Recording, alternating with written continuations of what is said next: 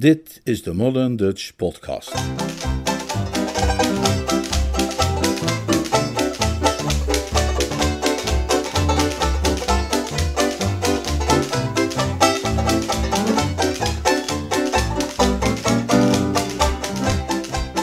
Een man van eer. Een Jeeves-roman van P.G. Woodhouse, The Code of the Woosters. Vertaald en voorgelezen door Leonard Beuger. There she is, there she is, there's what keeps me up at night. Oh gee whiz, oh gee whiz, there's why I can't eat a bite. Those flaming eyes, that flaming youth. Oh mister, oh sister, tell me the truth. Cause when I'm paddling, paddling home. Gee, when I'm paddling, Hoofdstuk 3b. first I drift Wanneer is de bruiloft? De 23ste. Eh, ik zou niet zo lang wachten. Vind je? Oh ja, ja, beslist. Zorg dat je dat achter de rug hebt, hè? Dan hoef je je daar niet meer druk om te maken. Je kunt niet snel genoeg getrouwd zijn met een jongen als Gussie. Geweldige jongen, heerlijke kerel. hè? Nooit een vent ontmoet die ik meer waardeer dan Gussie. Zulke kerels heb je niet veel. Eén van de sappigste. Ze greep mijn hand en kneep erin. Heel onplezierig natuurlijk, maar je moet er iets voor over hebben. Ach, Bertie, jij bent de edelmoedigheid zelf. Nee, nee, helemaal niet. Ik zeg gewoon wat ik denk. Het maakt me gelukkig om te weten dat, dat dit alles je gevoelens voor Augustus niet heeft vertroebeld. Ach, wel nee, zeg. Veel mannen zouden zich in jouw situatie verbitterd voelen. De sukkels. Maar jij bent daarvoor een veel te goed mens. Jij kunt nog altijd zulke prachtige dingen over hem zeggen. Ach, nou, nou ja. Lieve, lieve Bertie. En in die vrolijke stemming gingen wij uit elkaar. Zij moest nog een of ander huishoudelijk klusje doen en ik begaf mij naar de salon voor een kopje thee. Madeline Blake sloeg de thee over vanwege een of ander dieet. Bij de salon aangekomen wilde ik de deur opendoen die op een kier stond. Van de andere kant van de deur klonk evenwel op dat moment een stem die zei: Sla nu alsjeblieft even niet zulke onzin uit, Spoot. Ik kon mij er onmogelijk in vergissen wiens stem dit was. Sinds zijn jongste jaren is er altijd iets heel eh, karakteristieks en persoonlijks geweest aan Gussie's timbre, waarbij de toehoorder gedeeltelijk werd herinnerd aan gas dat ontsnapt uit een leiding en gedeeltelijk ook aan het geblaat van een schaap dat zijn lammeren roept. Ook was er geen vergissing mogelijk over wat hij gezegd had. Zijn woorden waren precies zoals ik die heb weergegeven. Ik stond dan ook verstomd, en dat is zeer zwak uitgedrukt. Ik begreep dat er achteraf gezien dus wel degelijk enige waarheid kon schuilen in het waanzinnige verhaal dat Madeline Bassett mij verteld had. Ik bedoel maar, een Augustus Fink Nottel die tegen Roderick Spode zegt dat hij geen onzin moet uitslaan, is een Augustus Fink Nottel die ook best tegen hem gezegd kon hebben dat hij de pip kon krijgen. Vol nieuwsgierige verbazing ging ik de kamer binnen. Afgezien van een vaag personage dat eruit zag als een ongetrouwde nicht of iets in die orde van grootte, trof ik rond de theepot alleen Sir Watkin Bassett, Roderick Spode en Gussie. Gussie stond wijdbeens voor de haard en warmde zich aan de gloed van de vlammen, die, zou je toch denken, eigenlijk bestemd was voor het zitvlak van de heer des huizes. En ik zag meteen wat Madeline Bassett had bedoeld toen ze zei dat hij zijn verlegenheid had overwonnen. Vanaf de drempel was al te zien dat als het ging om zelfverzekerdheid, Mussolini bij hem een schriftelijke cursus had kunnen volgen. Hij zag mij binnenkomen en stak een zo te zien behoorlijk pedante hand naar mij op. Helemaal de jonge landheer die goedgunstig een afvaardiging van zijn pachters ontvangt. Ah, Bertie, ben je daar? Ja, kom binnen, kom binnen, eet een wafel. Dank je wel. Heb je dat boek meegebracht waar ik je om gevraagd heb? Nee, sorry hoor, dat eh, ben ik vergeten. Nou ja, zeg. Van alle stomme ezels die rondlopen, ben jij toch wel de ergste. Anderen vervullen ons verlangen, gij tijd vrij. En terwijl hij mij met een vermoeid gebaar wegwuifde, riep hij om nog een broodje smeerworst. Mijn eerste maaltijd op Totley Towers heb ik helaas nooit kunnen scharen onder mijn gelukkigste herinneringen. Het kopje thee bij aankomst op een landhuis is iets waar ik gewoonlijk veel genoegen in schep. Ik geniet altijd erg van het knetterend haardvuur, het gedempte licht, de geur van toast met boter en de algehele atmosfeer van ontspanning en gezelligheid.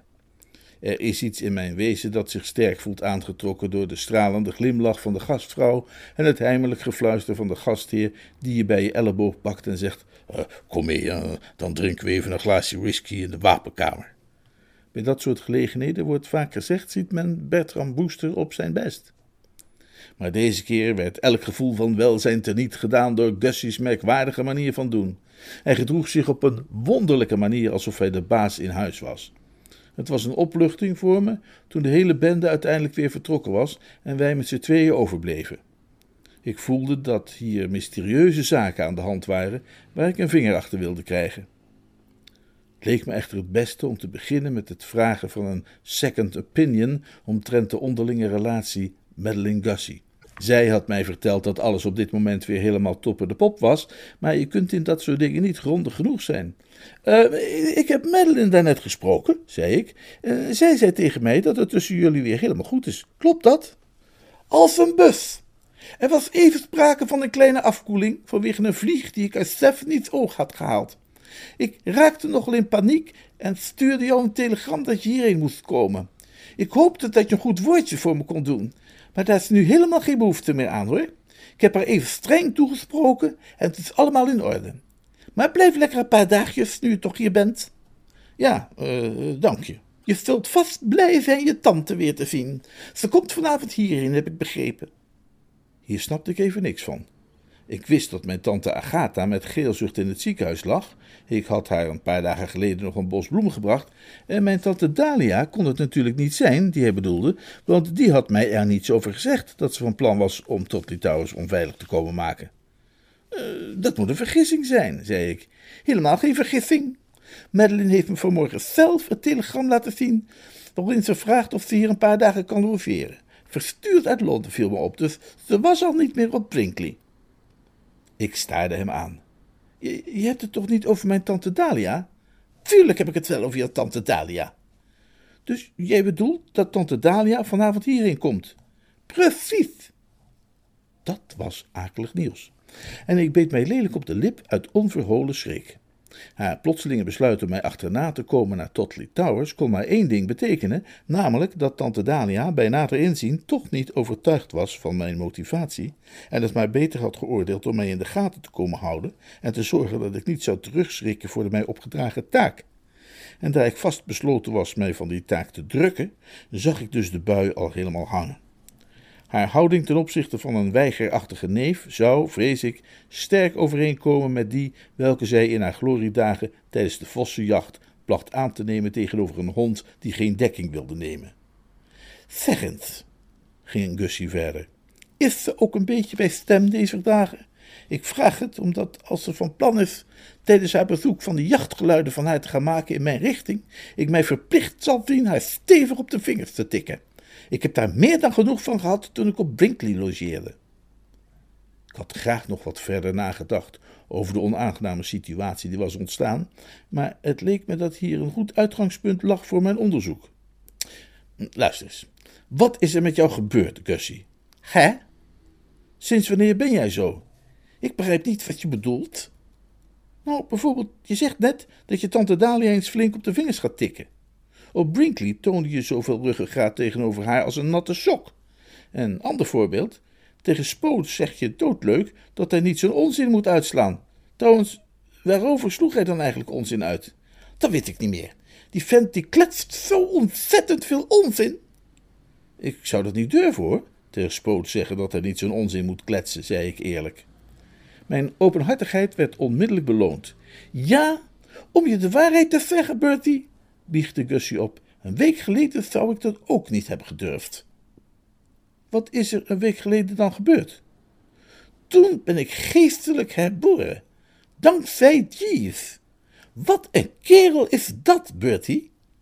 Ah ja, wij zijn als kleine kleuters, angstig in het donker, en Jeeves is als de wijze peuterjuf die ons bij de hand neemt en het licht aandoet. Precies, precies. Wil je horen hoe het gegaan is? Ik verzekerde hem dat ik een en al oor was. Ik installeerde mij op mijn stoel en stak de brand in mijn piraatje en wachtte zijn onthullingen af. Gussie zweeg een ogenblik. Ik kon zien dat hij zijn feiten op een rijtje aan het zetten was. Hij zette zijn bril af en poetste de glazen op. Een week geleden, Bertie, begon hij, verkeerde ik in een absolute crisis. Er stond mij een beproeving te wachten, de gedachte waaraan alleen al de horizon verduisterde. Ik ontdekte namelijk dat ik een tafelspeech zou moeten houden bij het huwelijk. Ja, allicht. Ik weet het, om de een of andere reden had ik daar gewoon niet aan gedacht. En het was een gruwelijke schok toen ik het me opeens realiseerde. En ik zal je zeggen waarom ik echt bijna stier van schrik toen ik bedacht dat ik bij het huwelijk een speech zou moeten houden. Omdat Roderick Spoot en Sir Watkin Bassett tot de toehoorders zouden behoren. Ken jij Sir Watkin Bassett van nabij? Nou, niet echt, maar hij heeft me als politierechter ooit vijf pond boete opgelegd. Nou, u kunt van mij aannemen dat hij een lastig heerschap is en dat hij er niet aan denken moet om mij als schoonzoon te krijgen. Om te beginnen al niet omdat hij Madeline graag met spoot had zien trouwen. Die, moet ik er meteen bij zeggen, vanaf ik weet niet hoe lang verliefd op haar is geweest. Oh ja, zeg, zei ik met op hoffelijke wijze verhulde verbazing over het feit dat iemand anders dan een gediplomeerde hark als hij zelf welbewust verliefd kon worden op dat kind. Ja, maar afgezien van het feit dat ze met mij wilde trouwen, voelde hij niets voor een huwelijk met haar. Hij ziet zichzelf namelijk als de man van de toekomst, begrijp je? En is bang dat een huwelijk zijn roeping in gevaar zou brengen. Hij ziet Napoleon als zijn grote voorbeeld. Ik had het gevoel dat ik, alvorens verder te gaan, eerst even wat nadere gegevens diende in te winnen over deze Spode. Dat van die man van de toekomst kon ik niet helemaal volgen. Hoe bedoel je, zijn roeping? Is hij iets bijzonders dan? Leef jij geen kranten of zo, Bertie? Roderick Spode, dat is de oprichter en leider van de Redders van Brittannië. Een fascistische organisatie die beter bekend staat als de Zwarte Broekenmannen. Het is zijn algemene streven om als hij niet een deze dagen een fles op zijn kop krijgt tijdens een van die rellen en opstootjes waar hij en zijn volgelingen zo dol op zijn, uiteindelijk zichzelf tot dictator te benoemen. Nou ja, zeg. Ik stond versteld van mijn eigen haarscherpe opmerkingsgaven, want u weet nog wel dat ik de allereerste keer dat ik Spoot onder ogen kreeg meteen al bij mezelf gezegd had: Goeiedag zeg, een dictator. En verdraaid, dan blijkt hij nog echt een dictator te zijn ook. Ik had het bij geen rechter eind kunnen hebben. Al was ik zo'n detectivefiguur geweest die iemand op straat ziet lopen en dan meteen weet te deduceren dat hij een gepensioneerde fabrikant is van ventielkleppen genaamd Robinson, met reumatiek in de linkerarm en woonachtig te kleppen. Chakker, ik dacht al dat hij zoiets dergelijks moest zijn. Die, die, die kin, hè, en die ogen. En natuurlijk vooral die snor. Maar even tussendoor. Als jij zwartbroeken zegt of zoiets, dan bedoel je natuurlijk zwart hemden. Nee, nee, tegen de tijd dat Spoot zijn clubje begon, waren er geen zwarte overhemden meer over. Zijn aanhangers en hij dragen korte zwarte broeken. Huh, een soort voetbalbroekjes, zeg maar. Ja. Waanzinnig. Ja, met blote knieën. Met blote knieën. Nou, moe. Ja. Een gedachte trof mij die zo weerzinwekkend was, dat ik bijna mijn sigaret uit mijn vingers liet vallen. Draagt de oude Bassett ook zo'n zwarte korte broek? Nee, hij is geen lid van de Redders van Brittannië. Hoe komt hij dan zo hevig bevriend met Spoot? Ik kwam ze gisteren ook al tegen in Londen en ze gedroegen zich als twee uh, zeelui. Sir Watkin is verloofd met Spoots tante, een mevrouw Wintergreen, de weduwe van wijle kolonel H.H. Wintergreen uit Pond Street. Ik peinsde een ogenblik en liet de hele scène tussen die antieke rommel nog eens aan mijn geestesoog voorbij trekken. Als je in het verdachtebankje staat, terwijl de rechter je over zijn knijprilletje zit aan te kijken en je aanspreekt als gevangene woester, heb je ampel gelegenheid zijn verschijning zorgvuldig te bestuderen. En wat mij bij Sir Watkin Bassett vooral had getroffen die dag in Bosher Street, was zijn chagrijnige humeur. In die antiekwinkel daarentegen had hij juist de indruk gemaakt van een vrolijk baasje in opperste stemming.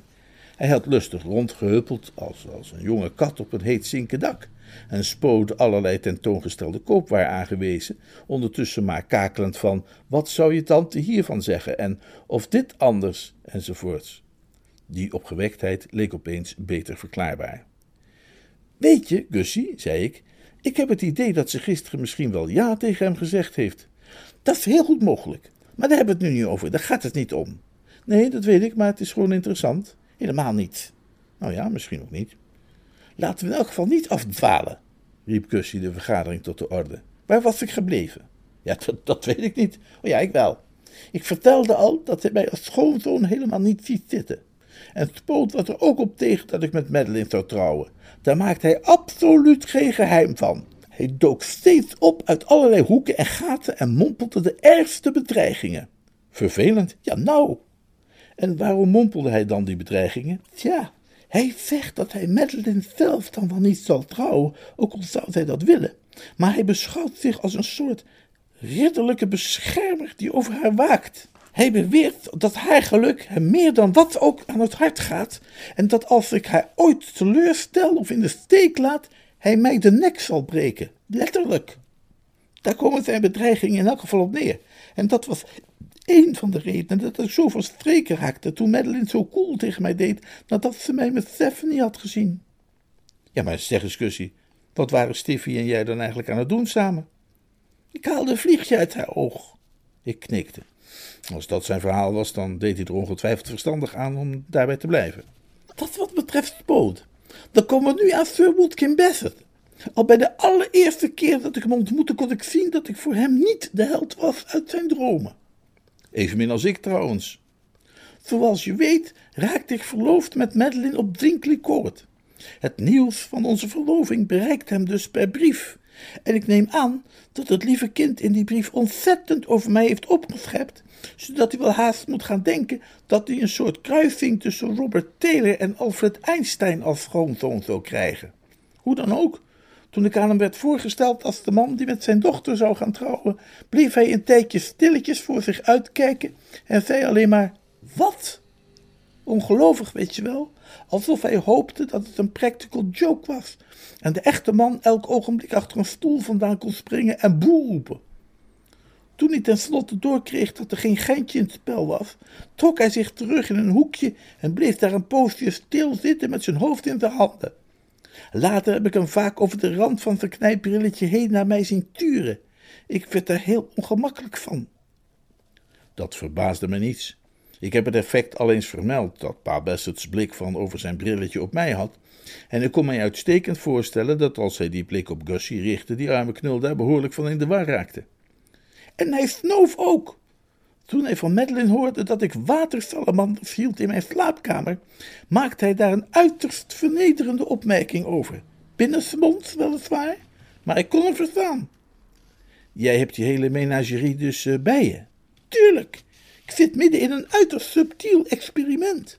Een Amerikaanse professor heeft ontdekt dat de volle maan van invloed is op het liefdesleven van diverse zeewezens, waaronder in vissoort, twee typen zeesterren, acht soorten wormen en een variant van het lintvormig zeevier dat dictyota heet.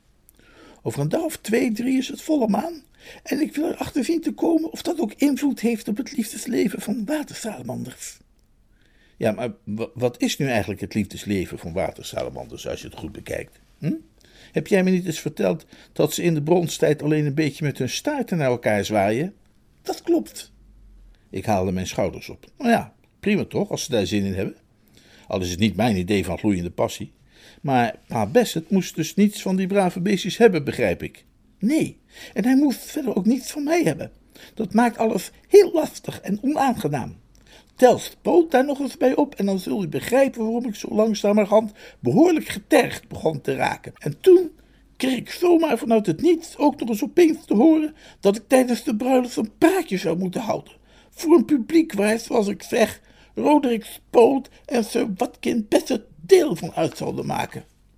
Hij zweeg even en kokhalsde als een Pekinees die een pil moet innemen. Ik ben een verlegen mens, Die verlegenheid hangt nu eenmaal samen met mijn hypergevoelige natuur. Je weet hoe het voor mij is om een toespraakjes te moeten houden, onder wat voor omstandigheden dan ook. Alleen het idee al staat me tegen.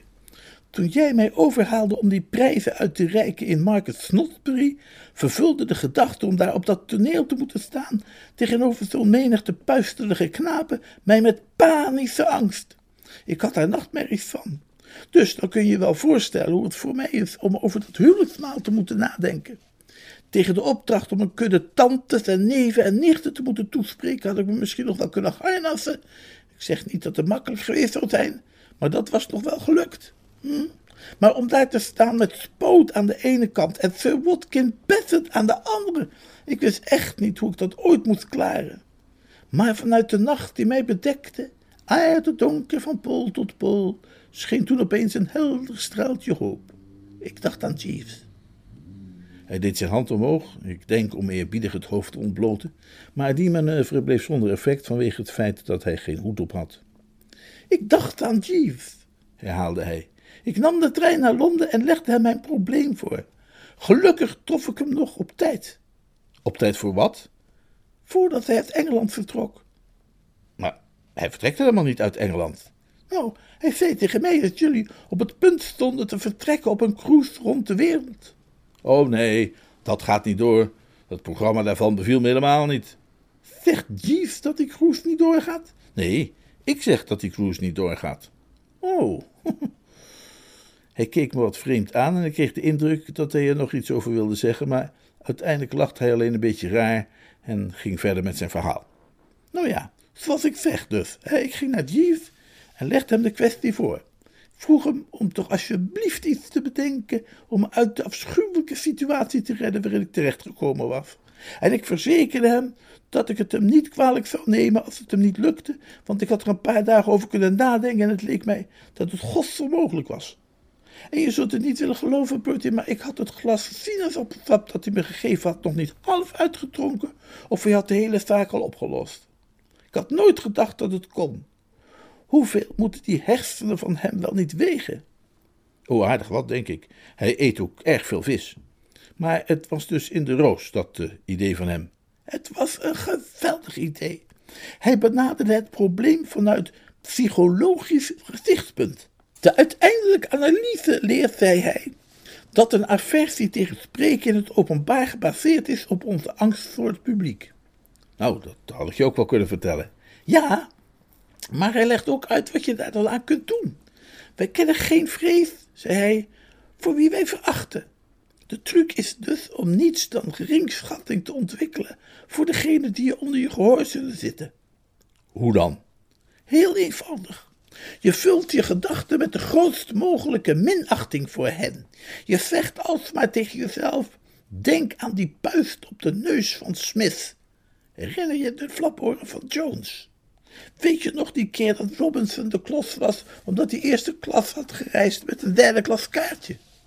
En vergeet niet dat je Brown als kind hebt zien overgeven op zijn eigen verjaardagsfeestje, enzovoort en zo verder. Zodat als je dan een praatje moet houden voor Smith, Jones, Robinson of Brown, ze niet angstaanjagends meer hebben. Jij staat boven hen. Ik moest er even over nadenken. Ja, ja, ja. Ja, ik snap het. Het klinkt inderdaad goed, Kussie, maar werkt het ook in de praktijk? Jongen, het werkt als een tovermiddel. Ik heb het uitgeprobeerd. Herinner jij je de speech die ik heb gehouden bij dat dinertje dat jij voor mij gegeven hebt? Ik schrok. Dus uh, toen was jij ons aan het minachten? Nou en of. En niet zo'n beetje. Mij ook? Ja, jou en Freddy Witten en Bingo Little en Cat Smith Potter Purbright en Barney Funky Phipps en verder iedereen die daar was. Een stelletje wormen, zei ik tegen mezelf. Wat een hopeloze gevallen. Neem nou bijvoorbeeld die Bertie, zei ik tegen mezelf. Goeie hemel, zei ik tegen mezelf. Wat ik allemaal niet van die jongen weet. Met als resultaat dat ik jullie kon bespelen als even zoveel welgestemde instrumenten en een ware triomf beleefde. Ik moet zeggen dat ik mij daar niet helemaal tof bij voelde. Het ging wel een beetje ver, bedoel ik maar, om te worden veracht door een oliebol als Gussie. En dat nog wel op het moment dat hij zich juist tot barstens toe goed had gedaan aan mijn brood en mijn sinaasappelsap. Al gauw echter namen groothartige gevoelens de overhand.